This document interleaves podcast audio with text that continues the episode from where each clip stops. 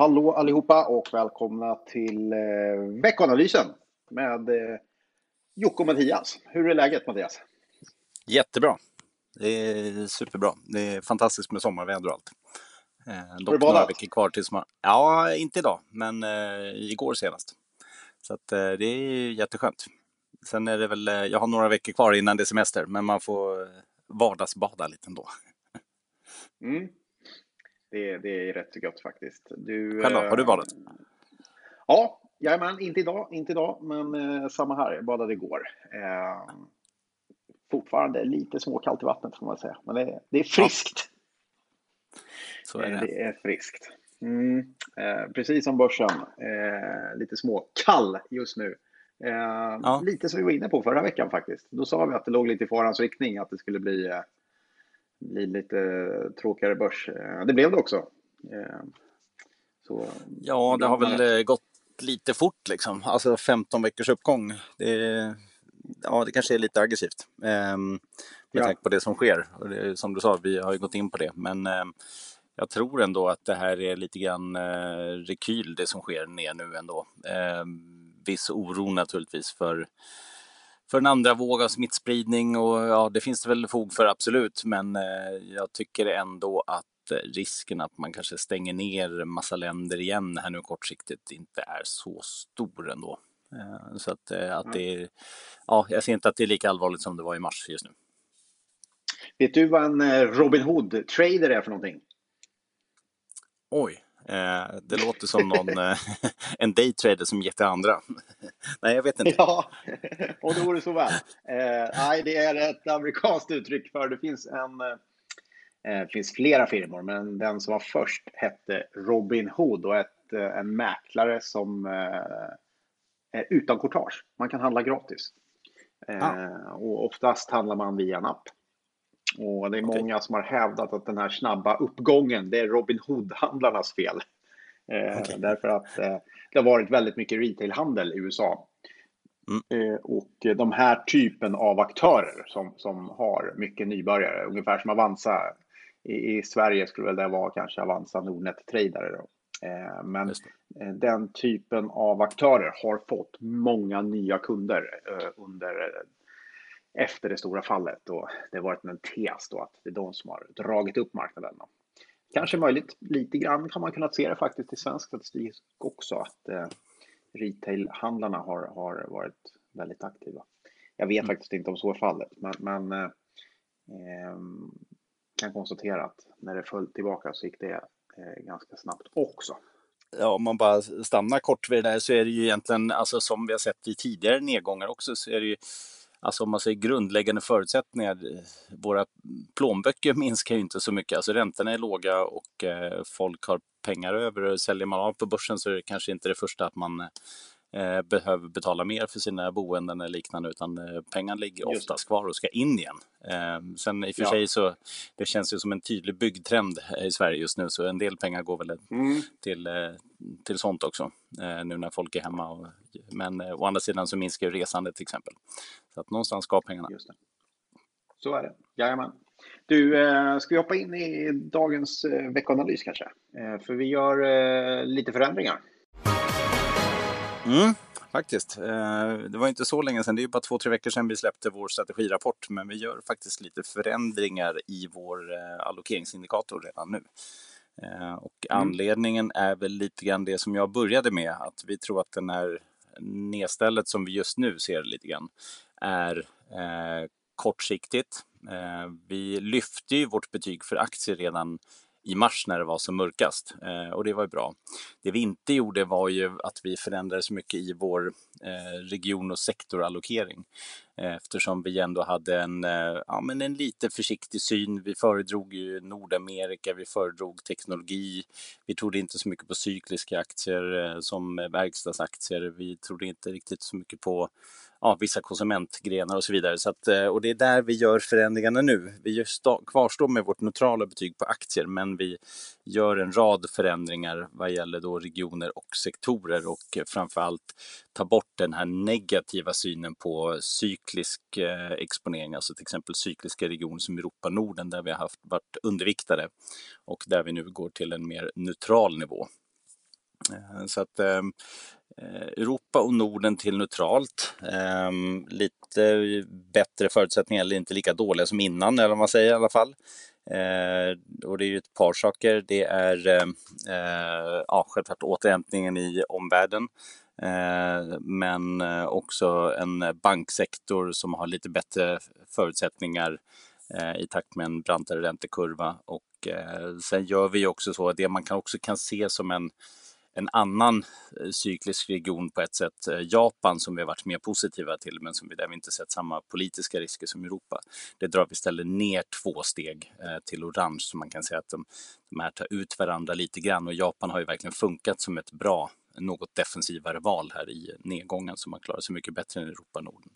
Så att det är väl en stor sak och det vi också gör är att vi lyfter tillväxtmarknader till ett grönt betyg. Och tillväxtmarknader har vi tidigare sagt att vi vill avvakta lite med. Vi vill först se en tydligare ekonomisk återhämtning. Vi vill se ja, en tydligare dollarförsvagning och ja, nu så, så ser vi att det, bland annat råvarupriser börjar stiga lite. Vi ser ledande indikatorer som viker upp ehm, och då är det dags också att bli lite mer positiv till tillväxtmarknaderna. Och eh, inom tillväxtmarknaden så är vi fortsatt positiva till Asien, precis som tidigare.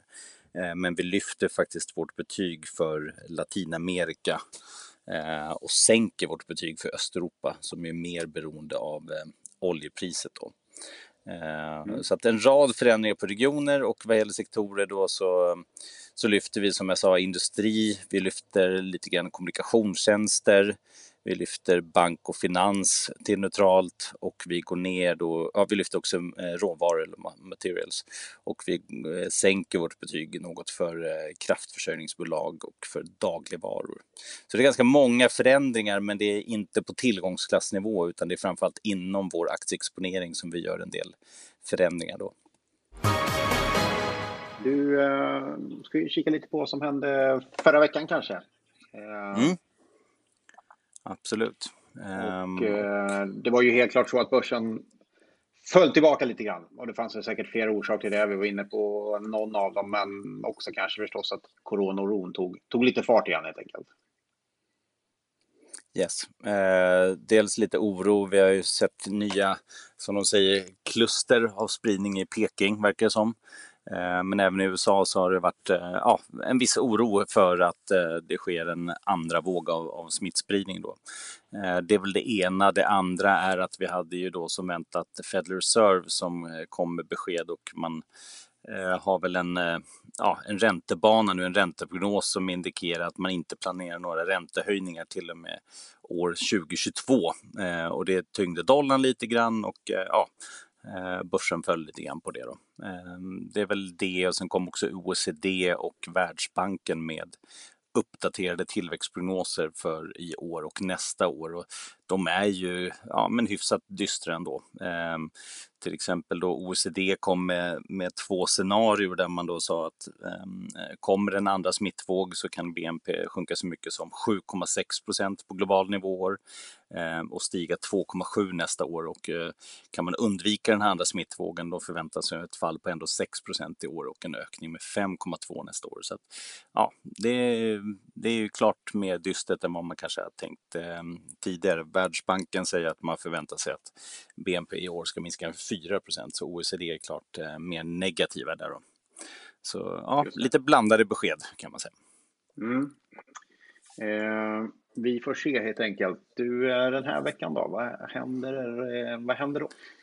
Berätta, vad kommer ja, hända den här veckan? Ja, vad händer exakt? Ja, om jag ja. visste exakt vad gäller smittspridningen skulle jag jättegärna säga det. Men, eh, utan, nej, det är ju fortfarande naturligtvis information om smittspridningen. Eh, information, alla former av eh, makro och eh, geopolitiska eh, kommentarer som man kan se naturligtvis. Det kommer ganska mycket statistik från Kina, både industriproduktion, detaljhandel, investeringar, boprisutveckling, arbetslöshet.